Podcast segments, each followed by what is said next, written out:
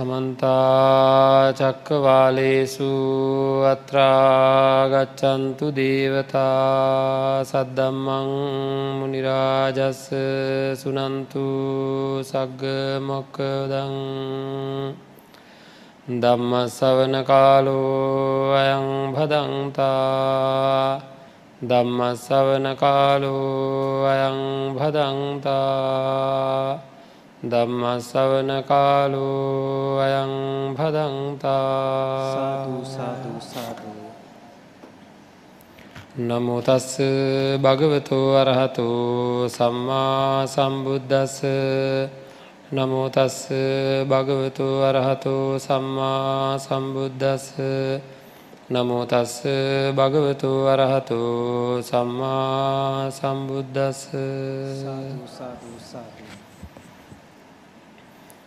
යායිමාචුන්ද අනේක වීතාදිට්ටියෝ ලෝකේ උපජ්ජන්ති අන්තවාද පටිසංයුත්තාවා ලෝකවාද පටිසංයුත්තාවා යත්ත චේතාදිට්ටියෝ උපජ්ජන්ති යත්තච අනුසෙන්ති අච්චත සමුදාචරංති තං නේතං මමනේසෝ අමස්මින මේසෝ අත්තාති ඒව මේ තං යථභූතං සම්මප්පඥා පස්සතු ඒව මේ තාසංදිට්ටි නං පහනං හෝති ඒව මේ තාසංදිට්ටි නං පටිනිසක්ගෝතීති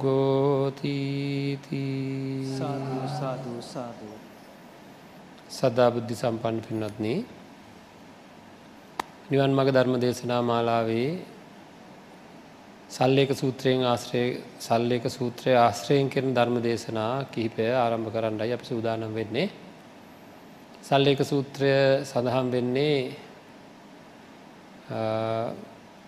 මජ්ජිම නිකායේ මජ්ජිම නිකායේ මූල පන්නාසකයේ මූල පරියාය වග්ගයේ තියෙන නමවෙනි සූත්‍රය තමයි සල්ලේක සූත්‍රය කියලා කියන්න. සල්ලේක සූත්‍රයේ තියෙන වටිනාකම සල්ලේක කියන වචනේ සාමාන්‍ය තේර්ම කෙලෙස් තුනී කිරීම කෙලෙස් කැපීම කියන අදහස කෙලෙස් නැති කිරීම කියන අදහස. ති මේ සූත්‍රයේ තියෙනවා පරියාය ධර්ම පහක්. පරියාය ගැන ක්‍රමවේද පහක්. සම්පූර්ණයෙන් කෙලෙස් වලින් හිත අතමුදවා ගැනීම සඳහා කුසලයන් වර්ධනය කර ගැනීම සඳහා සාමාන්‍ය ජීවිතයේදී අපිට උපදින මං මතකද කියලා තියෙනවා ධර්මය පැත්තෙන් හොල බලන්ඩ අපේ සන්තානගතව උපදින්නා වූ සියලුම අකුසල ධර්මයන් වලට ප්‍රතිවරුද්ධ කුසල ධර්මයන් ඇත කියලා. හැම්ම අකුසලයකටම ප්‍රතිවරුද්ධ කුසලයක් තියෙනවා.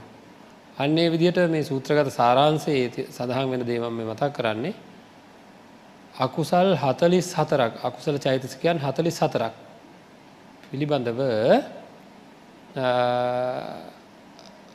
ඒවාගෙන් අතමිදිලා ජීවත්වෙන්නේ කොහොමද. ඒවා සම්පූර්ණයෙන් බැහැර කරගන්නේ දුරු කරගන්නේ නැත්තටම නැති කරගන්න හිතේ උපදිනයේ අමිහිරි පීඩා සහිත අමිහිරි විපාක ලබා දෙන අකුසල හැඟීම්. ඒ හැඟීම් ඉපදුනොත් අපේ පින්නත්න ඉපදුනාට පස්සෙ කොරන් දෙයන්න ක්‍රියාත්මක භාවයට යනවා අපි අතින් වැරදි කරෙන ප්‍රාණඝාත අදත්තා දානාදිය කෙරෙනවා. එතකොට හැමදේට මූලික වෙන්නේ අපේ සන්තානයනේ. අන්න ඒ විදිහට හතලිස් හතරක් පිළිබඳව දේශනාවේ සඳහන් වෙන අතරවාරයේ ඒ හතලිස් හතරෙන් අපිට අතමිදෙන්ඩ ඕනෑ සන්දීහු පහක් ගැන ක්‍රමවේද පර්යාය පහක් මේ විදිහටයි මේ විදිහටයි ගැන පොඩි තැනේ දං කොහොමද ඒ කෙලෙස් සම්පූර්ණයෙන්ම අයිංගන දක්වාම කෙරෙන්ඩෝන කාරණා පහක් තියෙනවා. ඉතින් මේක බොහොම මජ්ජිමනිකාය තිබුණට මධ්‍යම ප්‍රමාණය සූත ධර්මය තමයි නමුත් අර මජ්ජිමනිකාය තියෙන අනි සූත්‍ර තරන් දිග නැහැ. නමුත් පින්නත්න මේ මේ සූත්‍රය අවසානය මෙන්න මෙහෙම තියෙනවා. කාරණ හතලිස් හතරක් දේශනා කරා. සන්දීහු පහක් දේශනා කරා. මේ සල්ලේක සූත්‍රය මහා සමුදුර වගේ ගැඹුරයි කියලා. හරි. ඉතින් මන්දන්නෑ අපිටත් හිතාගන්න බෑ. මේ තියෙන ක්‍රමවේදය බුදුරජාණන් වහන්සේ කුමන අරමුණකින් කුමන විදිහට අපේ මනස දිහා දැක්මක් හෙළුවද කියලා අපිට හිතාගන්න බෑ කොහොම ඒක කවදාකත් අපිට හිතාගන්න බෑනේ. කොහොමත් අපිට ගෝචර නෑනේ. එහෙම එකක් හිතාගන්න බෑනේ. අනුමාන වශයෙන්වත් හිතාගන්න බෑ. මේ තරම් කුඩා සූත්‍රයක තියෙන මේ මෙච්චර ප්‍රබල කාරණා පිළිබඳව අපේ සිත්වල බුරබුරා නැගෙන හරියට නිකං දිය බුබුලකින් නැගෙන ගඟ ගඟක තියෙන ගඟ තියෙන සුලියක් කරගෙනට ඒක හැඩ තලවලට කරගෙනවා ඒක ක්‍රමවේද හොයන්ට ගියොත් සුලියක් දැන් කරගෙනවා සුලිය කරගෙනකොට ඒ සුලිය වේගය ඒකට අහුවෙන දේවල් ඒ ඔක්කොම වෙනස් වෙනවා අන්න ඒකේ ක්‍රමවේදය හොයන්න ගියොත් මට හිතෙනවා ලේසි කියලා. ඒ කියන්නේ මෙහෙන් වතුර ආවොත් මෙහෙම වෙනවා, මෙහෙම ආවොත් මෙහෙම වෙනවා, මෙහෙම ආවොත් මෙහෙම වෙනවා කියලා. ඒක තව ලේසි. තව නෙවෙයි කොහොමද ලේසි. නමුත් හිතක මේ උපදින සිතුවිලි සම්පූර්ණ වර්ගීකරණය කරලා ඒවා නැති කරගන්නේ කොහොමද කියලා ඒ හිතෙන්ම ඒ හිත නසලා ඒ හිතේ තියෙන විස නසලා ක්‍රියාත්මක භාවයට යන්න දෙන්නේ නැතුව කටයුතු කරන්නේ කොහොමද කියලා දේශනා කරපු මේ ධර්මය ගැන නම් ආය කාරණාවක් නැහැ. මේ ධර්මයේ ලැබෙන ලැබී ධර්මයෙන් ලැබිය යුතු ඒ ගැඹුර ඒ ලබාගත යුතුව තියෙන සුවය ඒ වගේම ඒ ගැඹුර පිළිබඳ යම් අදහසක් ඇති කරගන්න නම් බාහිරින් කරුණු හොයලනම් කවදාක්වත් හම්බෙන්නේ නෑ. තමන්ගේ අභ්‍යන්තරයට හැල්ල බලන්න ඕනෑ. තමන්ගේ සන්තානගත වැඩපිළිවෙල තමන්ගේ අභ්‍යන්තරයට හැරිලා තමන් තමන් එක්ක කරගන්නා වූ මෙතන මේ තියෙන මේ තමන්ගේ සන්තාන වැඩපිළිවෙල නිවැරදි කරගණ්ඩ ධර්මයේ දේශනා කරලා තියෙන දේවල් භාවිතා කිරීමෙන්මයි ඒක තියෙන ගැඹුරු හොයාගන්න පුළුවන්කම ලැබෙන්නේ. එම නැත්තන් අපි උඩින් උඩින් කතා කරකරදී. සල්ලේක සූත්‍රය හරියම වැදගත් ධර්ම දේශනා කිහිපයයි මේකෙන් සිද්ධ වෙන්නේ. ඒකින්ද මේ සල්ලේක සූත්‍රය චුන්ද තෙරණුවන් එක්ක කරන සංවාදයක් විදිහටයි සිද්ධ වෙන්නේ. චුන්ද තෙරණුවන් අහනවා බුදුරජාණන් වහන්සේගෙන් පළවෙනියෙන්ම නොයේකුත් ආකාරයට අත්තවාද වශයෙන් හරි ලෝකවාද වශයෙන් හරි නොයෙකුත් දෘෂ්ටීන් මිනිසුන්ට ඇති වෙනවා. ආන්ගේ ඇතිවන්නා වූ යම් දෘෂ්ටීන් තියෙනවද ඒ ඒ ඒ ඒ දෘෂ්ටි ප්‍රහාණය පිණිස ඒ දෘෂ්ටි සම්පූර්ණයෙන්ම දුරුකිරීම පිණිස කළ යුත්තේ කුමක්ද කියලා කළ යුතු දේ කුමක්ද කියලා බුදුරජාණන් වහන්සේගේ විමසනවා. අන්නේ විමසපු වෙලාවේ තමයි බුදුරජාණන් වහන්සේ දේශනා කරන්නේ මේ සියලු දෘෂ්ටීන් වෙන කුමක්වත් හින්දා නෙවෙයි පංච උපාදානස්කන්ධය ආරම්භයාම සිද්ධ වෙනවාය. පංච උපාදානස්කන්ධයේ යථාභූත ස්වરૂපය ඒව මේතං යථභූතං සම්මප්පඥාය පස්සතෝ. ඒව මේතාසන්නන් දිට්ටී නම් පහනං හෝති. මේ සියලූම දිෂ්ටි දිට්ටි ප්‍රහාණය වෙන ඒව මේතාසං දිට්ටී නං පටිනිසක් ගෝ හෝති. මේ පංචුපාදානස්කන්දය යම්කිසි කෙනෙක් නේතං මම නේසෝ හමස්මින මේසෝ අත්තාති මෙය මම නෙවෙයි මගේ නෙවෙයි මගේ ආත්මයකොට මේ පංචුපාදානස්කන්දය ගන්නට නොහැකිය කියලා යමෙක් සම්යක් ප්‍රඥාවෙන් දකින්නේද? ඒ තැනැත්තාට කිසිීම දෘෂ්ටියක් ආ ඇති වෙන්නේ නෑ. හැබැයි එහෙම නැතුව වෙන ක්‍රමයකුත් ඇත්තේ නෑ කියලා. එතකොට සෝවාන් පලස්ත පුද්ගලයාට දෘෂ්ටිමකුත් ඉතුරෙනවද නෑ. සෝවාන් පලස්ත පුද්ගලයාට දෘෂ්ටිමකුත් ඉතුරෙන්නේ නෑ. එනම් අපේ පළවෙනි අරමුණම සම්යක් ප්‍රඥාවෙන් මේ පංචුපාදානස්කන්දය දැකීම වෙන්ඩ ඕනද නැද්ද? නේද? අපේ ඇතුලාන්තයෙන් මේක දැකීම වෙන්ඩ ඕන පළවෙනි අදහසම. ඉන් මෙහා ගිය නොඒකු තාකාරයට සෝවන් වීමක් නෑ පින්නත්න්නේ පංචුපාදානස්කන්දේ යථභූත අවබෝධය දැනිලා ඒක තේරිලා මේක මම මාගේ මගේ ආත්මය කියලා ගන්නට බෑය කියලා තමන්ටම වැටහෙනකං සෝවාන් වීම කියලා එකක් නැහැ. ඉතින් කවුද මේ දේශනා කරන්නේ? බුදුරජාණන් වහන්සේ. නේද? දැන් ඉතින් මේ කාරණා කාරණා පිළිබඳව අපි යම් ආකාරයක අවබෝධයකින් වාසය කරන්න ඕන කාලය ඇවිල්ලා තියෙන්නේ. කවුරහරි කියන මං සෝවාන් වෙලා කියලා. එයාගේ අහනවා මොනවද දැන් ඔයාලට තේරුණේ? මට අචල ශ්‍රද්ධාව තියෙනවා. හරිද? මට අචල ශ්‍රද්ධාව තියෙනවා කියලා කියනවා. ඊටම මට බුදුරජාන් වහන්සේ ධර්මයේ සංගරත්නය ගැන තවත් මොනවද? ආයේ මට ඒ ගැන ඒ ගැන අරින්න මට කිසිම දෙයක් නැහැ. කියලා මගේ අතින් සීල් කැඩෙන්නේ නැහැ කියනවා. ඉතින් සීල් කැඩෙන්නේ නැති බව කොහොමද කියන්නේ අපි දන්නේ නැහැ. හැබැයි සීලය කැඩීම සඳහා ඒක තමන්ගේ පැත්තෙන් තියෙන මේ එකක් ඒක අරියකාන්ත සීලය වෙන්න ඕනේ. ඒ ශ්‍රද්ධාවත් නිවැරදි ශ්‍රද්ධාව වෙන්න ඕනේ පින්වත්නි. తాවකාලික යටපත් වීමක් හින්දා සීල් කැඩෙන්නේ නැතුව තියෙන්න පුළුවන් කාලයක් තියෙනවා. නමුත් එහෙම නැති නැති ආකාරයක් තියෙන්න ඕනේ අනිවාර්යයෙන්ම අපිට නිවැරදි ඊතා නිවැරදිව තමන්ගේ ඒ ප්‍රඥාවන්ත ස්වභාවය ඇති වුණේ කොහොමද කියලා දැනගන්න ඕනේ. ඉතිං මම කියලා ගණ්ඩ පුළුවන්ද? මගේ කියලා ගණ්ඩ පුළුවන්ද? මට තියාගණ්ඩ පුළුවන් එක දිගට තියාගණ්ඩ පුළුවන් දෙයක් කියලා ගණ්ඩ පුළුවන්ද කියලා අපි චුට්ටක් විමසල බලන්න වටනවද නැත නිකං හරි තේරෙන්ට ඉස්සලව පංචපාදානස්කන්දය අඳුර ගණ්ඩුව නැනේ නේද?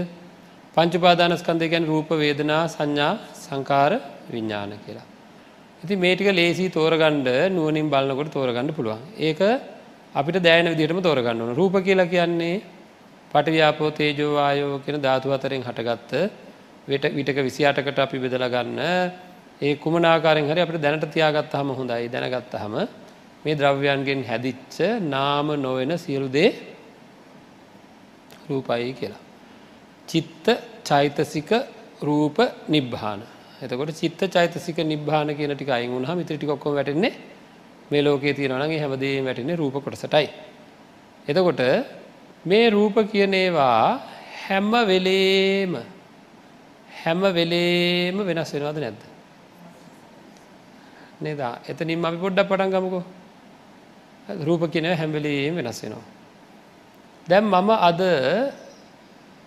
මොකක් හරි කොටසකට අපිට වෙලා තියෙන අපි නේසෝ දැන් මම මේක අරගෙන තියෙනවා නේතන් මම කියලා. මේකයි මම කියලා. දැන් අද උදේ මම මේ කොටස මගේ රූප කොටස මම කියලා ගත්තා. එතකොට හෙට උදේ වෙනකොට මගේ කකුලක් කැඩලා කපලා අයින් කරා.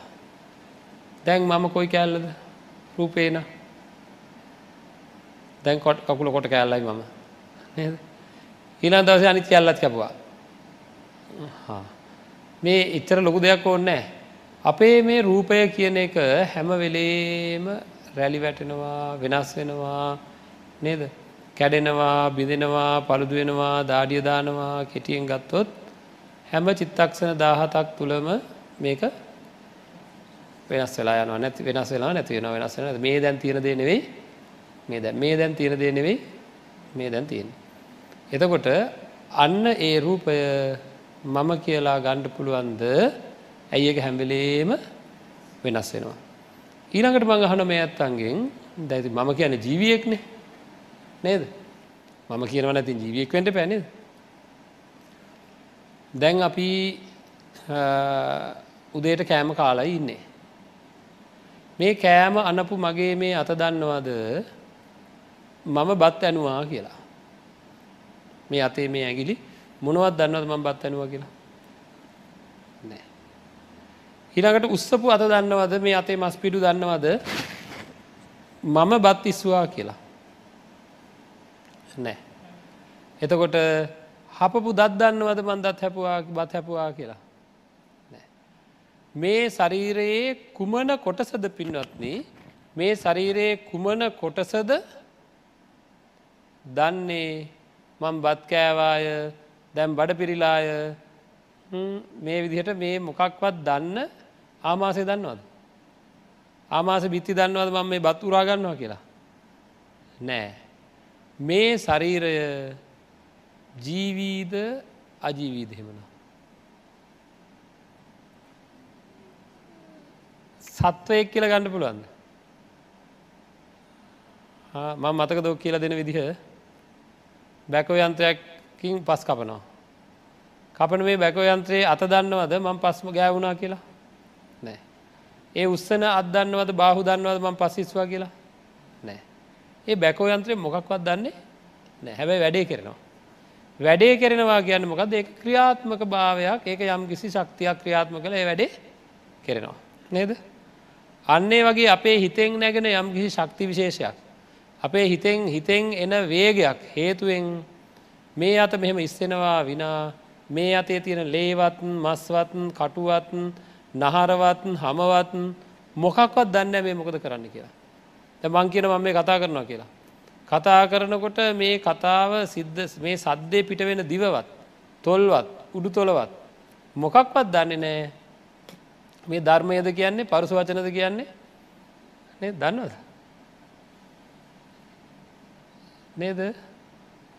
අඩුම ගානේ දිරණ දත දන්නේ නෑ දිරනවා කියලවක්වත් අඩුම ගානේ කකියන දත දන්නේ නෑ කකියනවා කියලවක්වත් අඩුම ගානේ ගලෝප දත දන්නේ නෑ ගැලව කියලවක් දැන් ගැලවිලා බිම ඉන්න කියලා දන්න මාව ගලවන්ඩ එපෝ අනේ මං ආයරිදවන්න තෝ එහෙම එහෙම තියෙන ප්‍රශ්න? දත මොකුත් දන්න රිදෙන කන රිදෙනවා යහමින් නේද? දත හේතු වෙනවා විතරයි පින්වත්න. දතද රිදෙන්නේ කියලා මං හැබොත් මෙයාගේ. දත්කයක්කුම හැදිල තියෙනවන. දතත් දන්න ඇරිදෙන්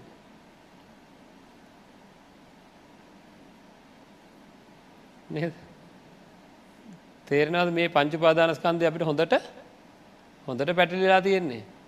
එනම් රූපය කියනක මේ සම්පූර්ණයක් ගත්තොත් ඒක කොහොමත් මම කියලා කියන්න පුළුවන්කමක් ඇත්තේ මම කියලා කියන්න පුළුවන්කමක් නෑ අන්න ඒක සම්යක් ප්‍රඥාවෙන් දකිනවා කියන්නේ. කෙස්ලොම් නියද සම්මස්නහරයට ඇටමිදුළු ආදී වසයෙන් පාදාන්තය දං කේසමත්තකය දක්වාම මේ ලක්ෂණ තමන්ට හොඳට ප්‍රකට වෙන තුරුම සමුදය දම්මානු පස්සීවා වය දම්මානු පස්සීවා සමුදේ වය දම්මානු පස්සීවා ඉති අජ්ජත්තං බහිද්දා අජ්ජත්ත බහිද්දා මේ විදිහට නොඒකුත් නොයෙකුත් ආකාරයට මේ කය අරගෙන පෙරල පෙරලා අනි පැත්ත පෙරලලා මේ පැත්ත පෙරලලා නැතිවෙච්ච දෙයක් හොයෙනවාවාගේ මේ රූපය අරගෙන එහි ඇත්ත තත්ත්වය තමන්ගේ හිතට වැටහෙන තුරු මොකද කරන්න ඕන? මනසානු පෙක්කිතා ගුරුවරයාගෙන් අහගන්නවා මතක තබාගන්නවා මනසිං මෙනි කරනවා. මේ සඳහා බුදුරජාණන් වහන්සේ කමටහන් දාහතරක්ම දේශනා කරනවා. කොහෙද?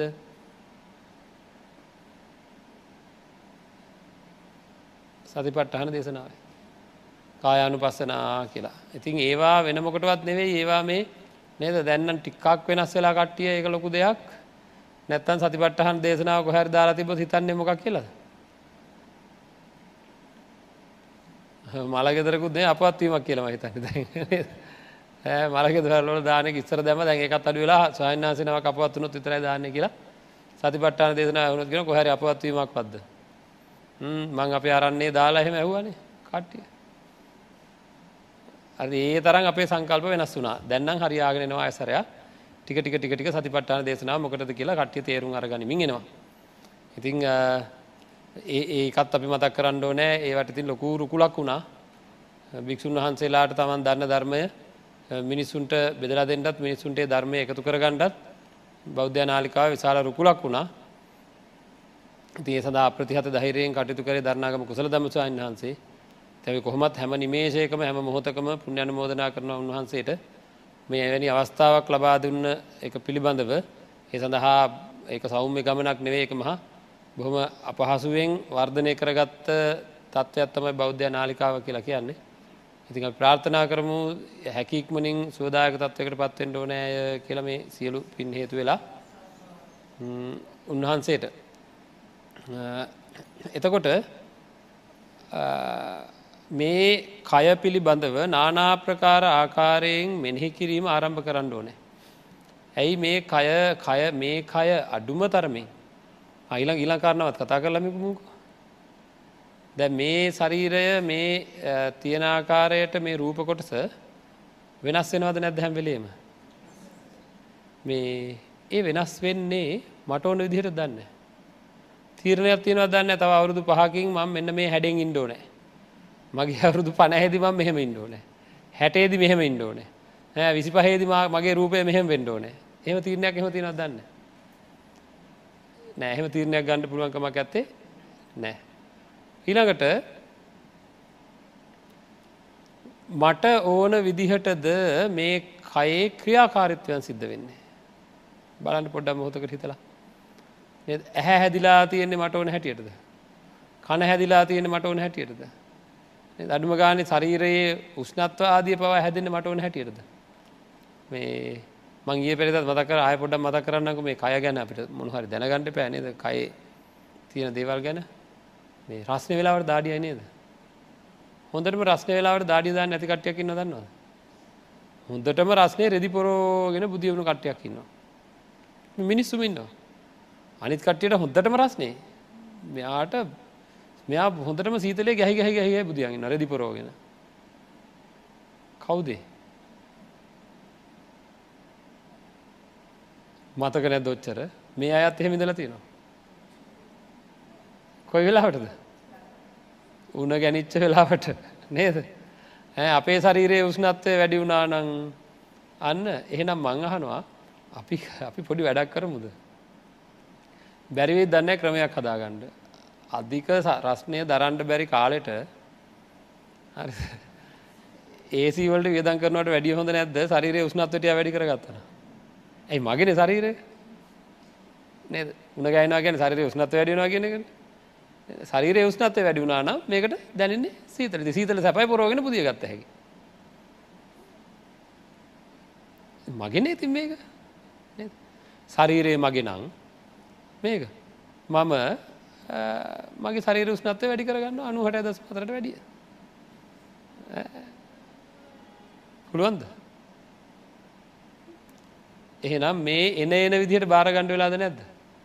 මට අයිතියක් ඇත්තේ නෑ. මට කියලා අයිතියක් ඇත්තේ නෑ. මට කියලා අයිතියක් ඇත්තේ නෑ. එහෙනම් මේ රූපය කියලා ගත්තොත් ඒක මම කියලා ගන්න බෑ. ඒක හැම වෙලේම වෙනස් වෙනවා. ඒක සත්වයක් නෙවෙයි. නේද? මම සත්වයා මේ මේ සත්වයා කියලා ගන්න බෑ. ඒක හැම වෙලේම වෙනස් වෙනවා. ඒකේ හැඩතල වෙනස් වෙනවා. ඔක්කොම වෙනස් වෙනවා. ඊට අමතරව මේක මගේ කියලා ගන්න පුළුවන්කමක් ඇත්තේ මගේ කියලා ගන්න පුළුවන්කමක් ඇත්තේ නෑ. ඒක මොකද මට අයිතියක් නැති විදිහට ක්‍රියාත්මක වෙනවා. මගේ අයිතියකින් තොරව ක්‍රියාත්මක වෙනවද නැද්ද. ඔව.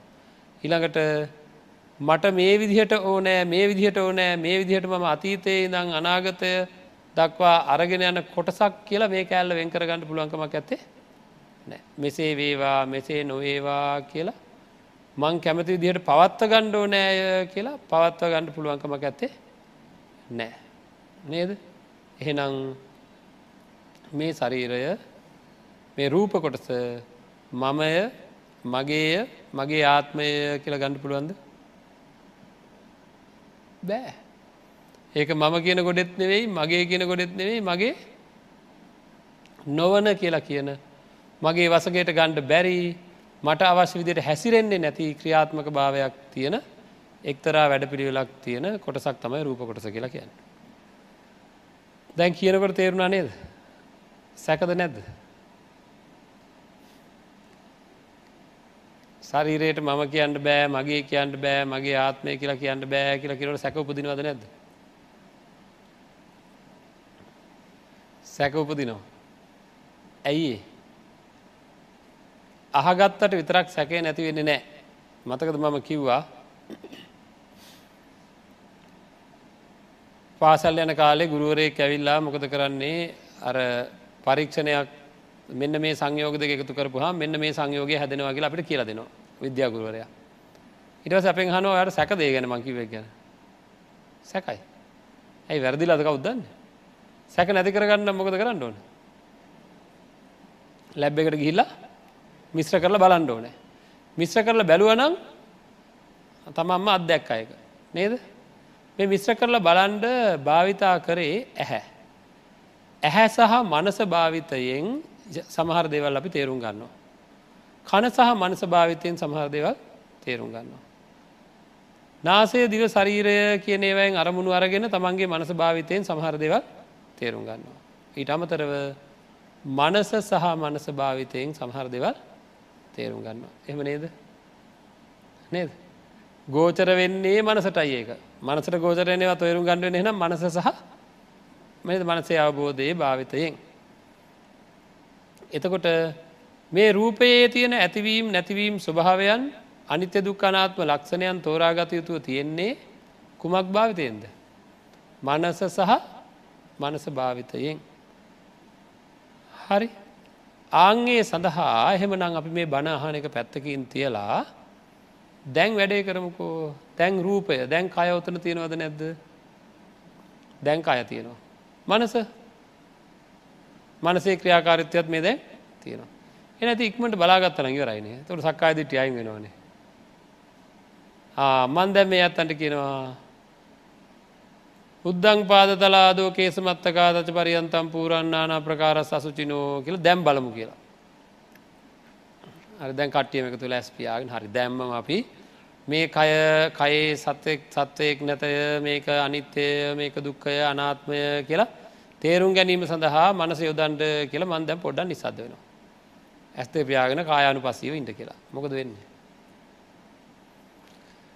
හොඳට එහෙම්ම මේක තුළම රැඳිලා රැඳිලා රැඳිලා රැඳිලා එහි පිළිකුල් භාවයක් තේරිලා ඒක නිස්සත්ත භාවයක් තේරිලා ඒක ඒක හැම්වෙලේ වෙනස් වෙනවා නිත්‍ය ස්වභාවය තියෙනවාය කියනකත් මනසිං හොඳට දැකලා ඒක දුක් ස්වභාවය තියෙනවා මේක දිය වෙනවා මේක කැඩෙනවා බිඳෙනවා පළුදු වෙනවා කියන එකත් දැකලා මට ඕන හැට තියාගණ්ඩත් බෑ මට ඕන ඇතිරන මේ වෙන්නේ කියලා මේ ඔක්කෝම දැකල ඉවර වෙයිද?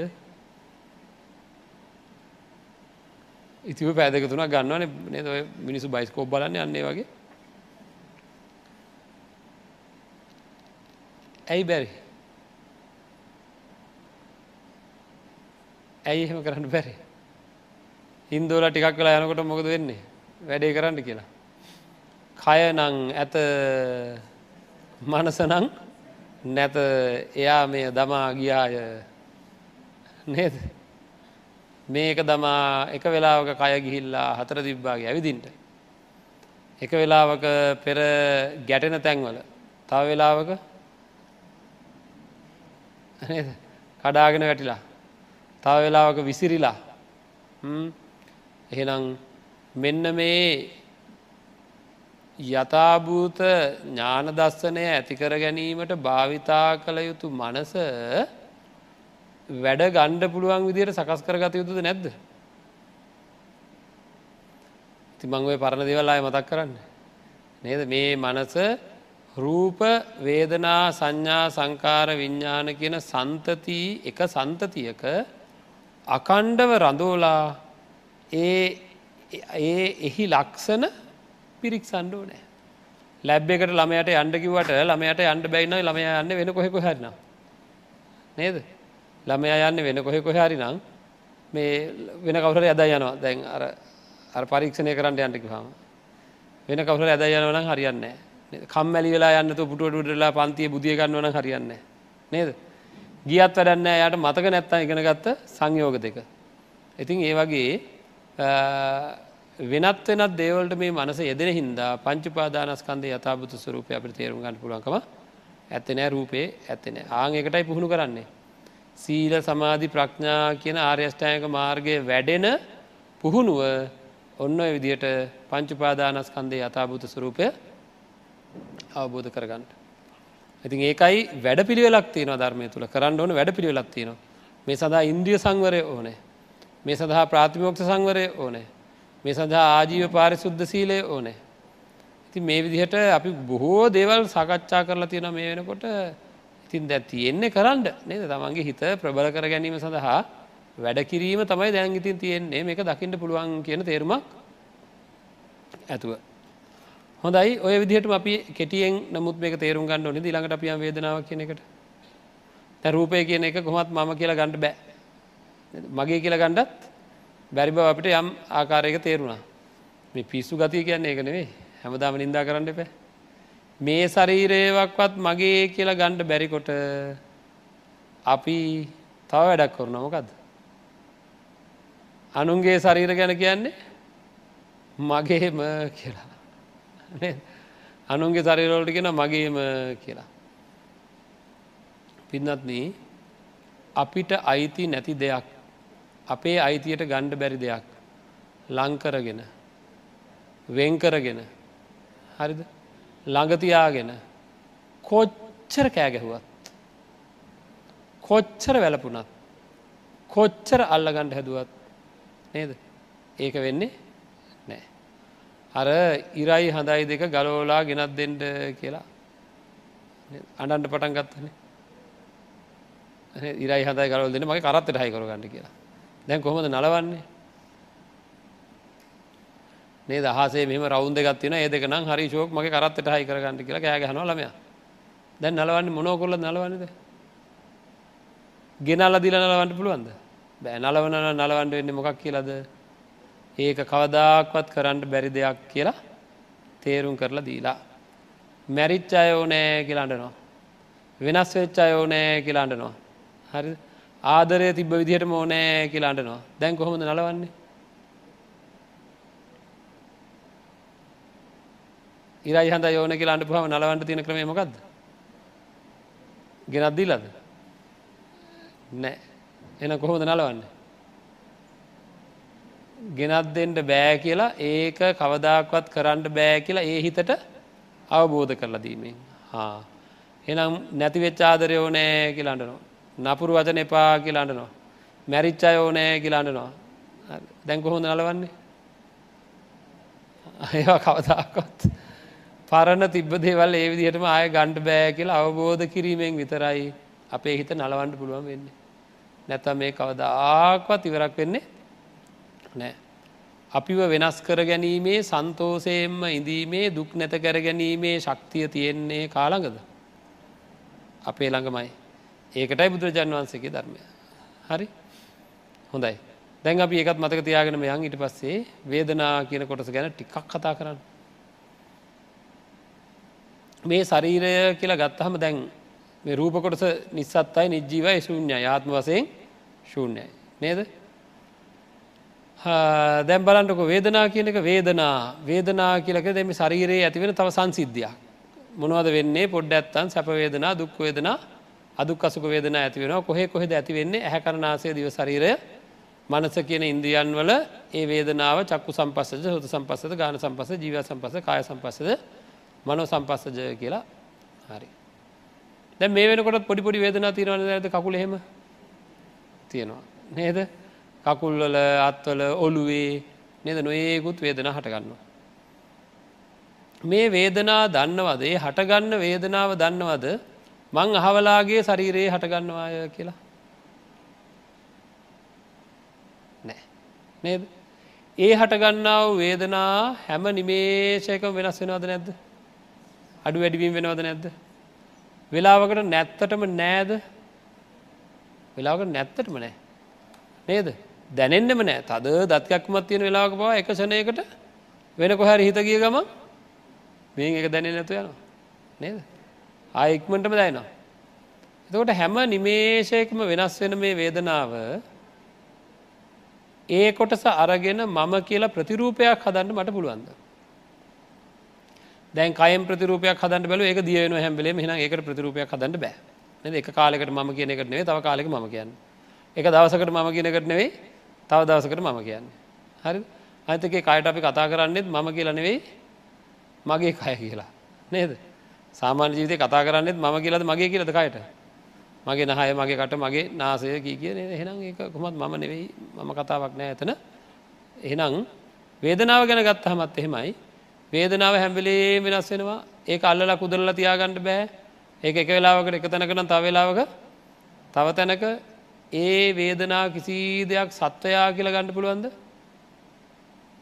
ඒ වේදනාවල් මෙලෝ දෙයක් දන්නේ නෑ අහවල අහවල් සත්වයාගේ ඇගේ හැදනේවා කියලා මොකවත් දන්නේ නෑ නේද? සැප වේදනා මෙන්න මේ වගේ මේ වගේ කියල දන්නේ නෑ ඒවා හේතු ඇතිකල්හි ඇති වෙන හේතු නැතිකල්හි නැති වෙන. පටිත් සම්පන්නව හටගන්න වේදනා මිසක්කා ඒ වේදනා මේ ලෝකෙ කිසි දෙයක් හඳුනන්නේ හඳුනන්නේ නෑ වෙන් කරන්න බෑ නවත්තන්ට බෑ පවත්තන්ට බෑ. මට ඕන හැටියට හැදෙන්නේ මට ඕන හැටියට හැදෙන්නේ නෑ. මොකක්වත් වෙන්නේ නෑ. නේද? එතකොට මම කියලා ප්‍රතිරූපයක් හදලා ලෝකෙට පෙන්නන්ට මට වේදනාවලින් පුළුවන්ද? එන වේදනා මම කියලා ගන්න පුළන්කමක් ඇත්තේ නෑ. ඊළඟට මගේ වේදනාව මගේ වේදනාව කියලා ගණඩ පුළුවන්ද අඩුම තරමින් අපේ පින්වත්න? මගේ නම් වේදනාව අපි හරියට දුක් වේදනා විඳිනවද නැද්ද. කායික මානසික හරියට දුක්වේදන විදිනවද නැද? නේද අත්‍රි දෙනවා කකුල්රි දෙනවා තවන ඒකුත් මානසික වේදනා. ඒවා දුක් විදිහට ඉදිකටු අයිනවාගේ දැනවා අපිට සරින් සරේ සරින් සරේ. නේද? එම දැනකට තම මේ අත්කකුල් පව වෙනස් කරන්න. ඉන්න බෑවති හිටියොත් හොඳට රිදිල්ල වැඩි කරනවා. වෙනස් කරන්න නැම්බලේ මේ ඉරියාව වෙනස් කර කර වෙනස් කර කර හදන්ඩ ඕනෑ. අන්නේ ඉරියාව වෙනස් කර කර හදන මේ වේදනාව හැදෙන මේ වේදනාව වෙනස් වෙන ඒවා මට ඕන හැටියට හටගන්නවාද මට ඕන හැටියට ක්‍රියාත්මක වෙනවාද? මට ඕන හැටියට නැති වෙනවාද. දුක්කරේදනා රාසියම අපිට තනියම විදගණඩ වෙලා. ඒවා මම කියලා මම මේ හිතාගෙන ඉන්නවා නම් මම කියන කෙනාව කෙනාට බලහත්කාරයෙන් ඉතා බලහත්කාරයෙන් කිසිමම කිසි අනුකම්පාවක් නැතිව නේද එපා කියද්දි බෑ කියද්දි හටගන්න ස්වභාවයක් තියෙනවද නැති. බලහත්කාරයෙන් හිතුවක්කාරයෙන් මගේ සීමාවල් අභිබවා මට බලහත්කාරකං කරනවා නම් මේ වේදනාව ඒක මගේ වැඩක්ද. මට අයි කෙටියම කෙනවනම්. මට අයිතියක් නැතිවම සිද්ධ වෙන දෙයක්. මට අයිතියක් නැතුවම සිද්ධ වෙන දුක්වේදනාව ඇතිවෙන එකේ තීරණයත් මගේ නෙවෙයි සැපවේදන ඇතිවෙන එකේ තීරණයත් මගේ නෙවෙයි අදුක් අසුක ඇතික අදුක් අසුක වේදන ඇතිවෙන එකේ තීරණයත් මගේ නෙවෙයි. සැපවේදනා ඇතිවෙන එකේ තීරණයක්වත් නේද ඒවා ඇතිවෙන විතරන්නේ ඒ සැපදුක් අදුක් අසුක කියන වේදනා නැතිවෙන එකේ තීරණයක්වත් මගේ නෙවෙයි. මට අදාළ නැති ක්‍රියාවලියක් සන්තතියක් එද වේදනා සන්තතිය කියලා කියන්න. එනම් ඒක මගේ වැඩක් කියලා ගණ්ඩ බෑ ඒවගේම අතීතයේ ඉදං අනාගතය වර්තමානය අනාගතය දක්වා වෙනස්වෙන්ට නොදී අරගෙන යන එකක් කියල මට ගණඩ පුළුවන්කමක් ඇත්තෙත් වේදනාව කියන එහෙම ගණඩ පුළුවන්කමක් ඇත්තෙත් නෑ. එහෙනම් අන්න ඒ වේදනාව සන්තතියක් සන්තතියක් කියලා කියනමකද එකක් පිටි පස්සේ එකක් පිටි පස්ස එකක් පිටි පස්සේ හැදෙන එකක්.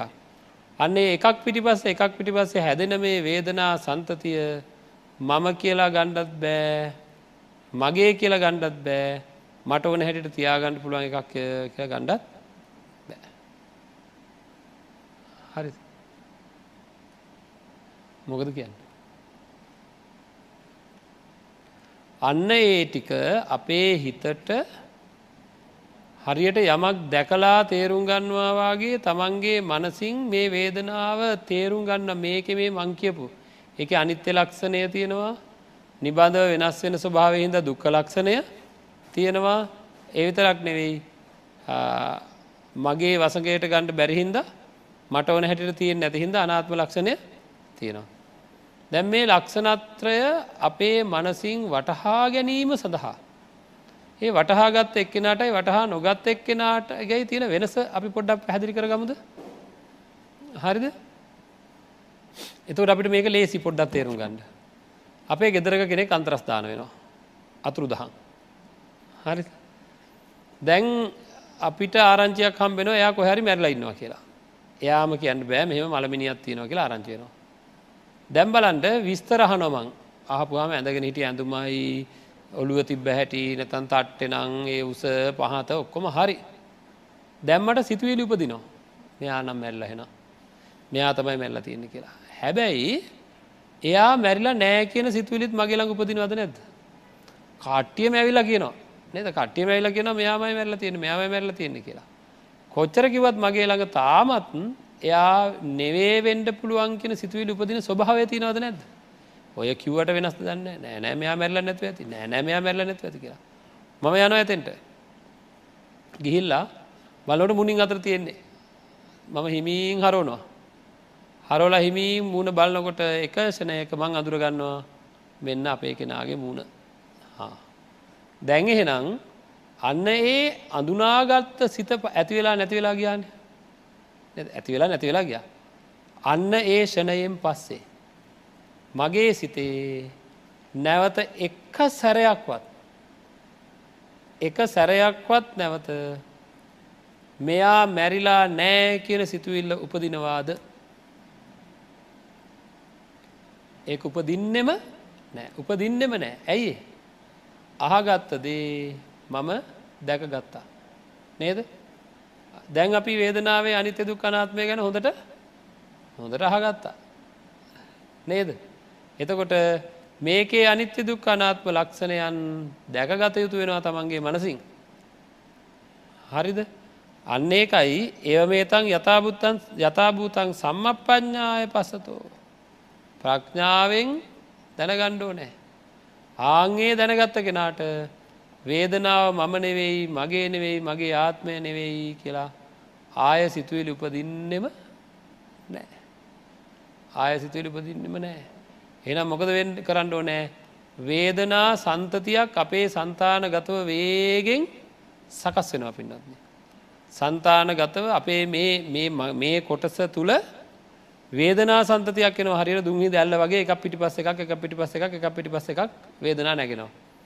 අන්න ඒ නැගෙන වේදනාවල් පිළිබඳව කුමන ඉන්ද්‍රියෙන්ද අපිට ගවේශණය කරන්න තියෙන්නේ. ඇහෙන්ද කනෙන්ද නාහෙන්ද දිවෙන්ද ශරීරයෙන්ද මනසෙන්ද. ඉස්සෙ ලකිව කතාව තමයි. හරි දැම්මං ආයින්ද වන්ඩ යන්නේ එහෙනම් ඉස්සෙලා කය ගැන බෑගිවනේ එහෙනම් දැන් ඉඳගෙන කිසි දෙයක් නෑ එකක් පිටි පස්ස එකක් පිටි පස්ස එකක් පිටි පස්සෙන හැම වේදනාවක්ම අත්දකිින්ට හැම වේදනාවක්ම විඳ විඳ විඳ විඳ විඳ විඳ අත්දකිින්ට ඒ අනිත්‍ය දුක් අනාත්ම ලක්ෂණය ප්‍රකට වෙනකම්. හා කියල ඉන්දෙවොත් වේදනාව පැත්තක තබා පෙරහැර බැලීම් පටන් ගන්නවා ඇත නේද?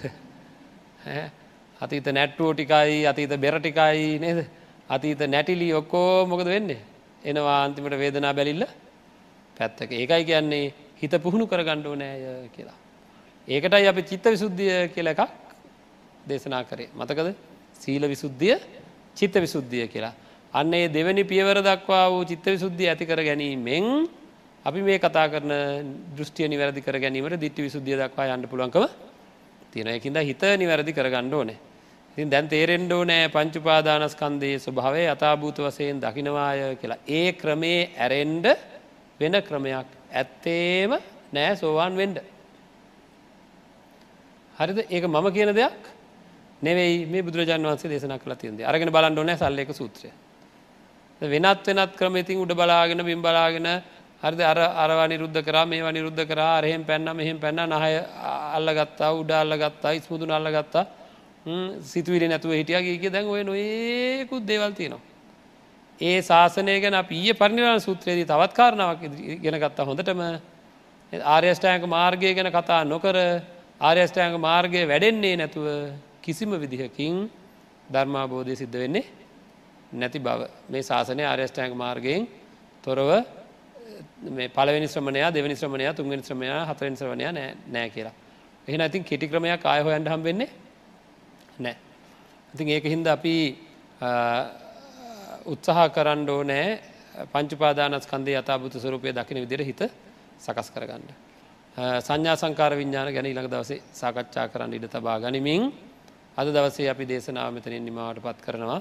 අපිට අදහසත්තියෙන් ඕනෑ මේ බුද්ධ ශාසනය අපි මොනතරම් වටින තත්වකට පත්වමින්ද ඉන්නේ කියලා කොච්චරනං වටින දෙයක් කරගණ්ඩ පුළුවන්ද කියලා මේ නොඒකුත් තමන්ට අයිති නැති දේවල් වැළඳගෙන හිතෙන් ග්‍රහණය කරගෙන අරහෙම පැන්නා මෙහෙම පැන්න අර වචන කිව්වා මේ වචන කිව්වා ඊය කියපු දෙරනෙවෙයි අද පොඩිකාල කියපු දෙරනෙවේ දැන් අද දරුව වෙනස් වෙලා අරවා වෙනස් වෙලා මෙවා වෙනස් වෙලා කියලා මරලතෝන් දිදී මැරණකම් මරලතෝනියෙන් ඉන්නවද හිත හදාගන්නවද ගෙන තීරණය ගන්න.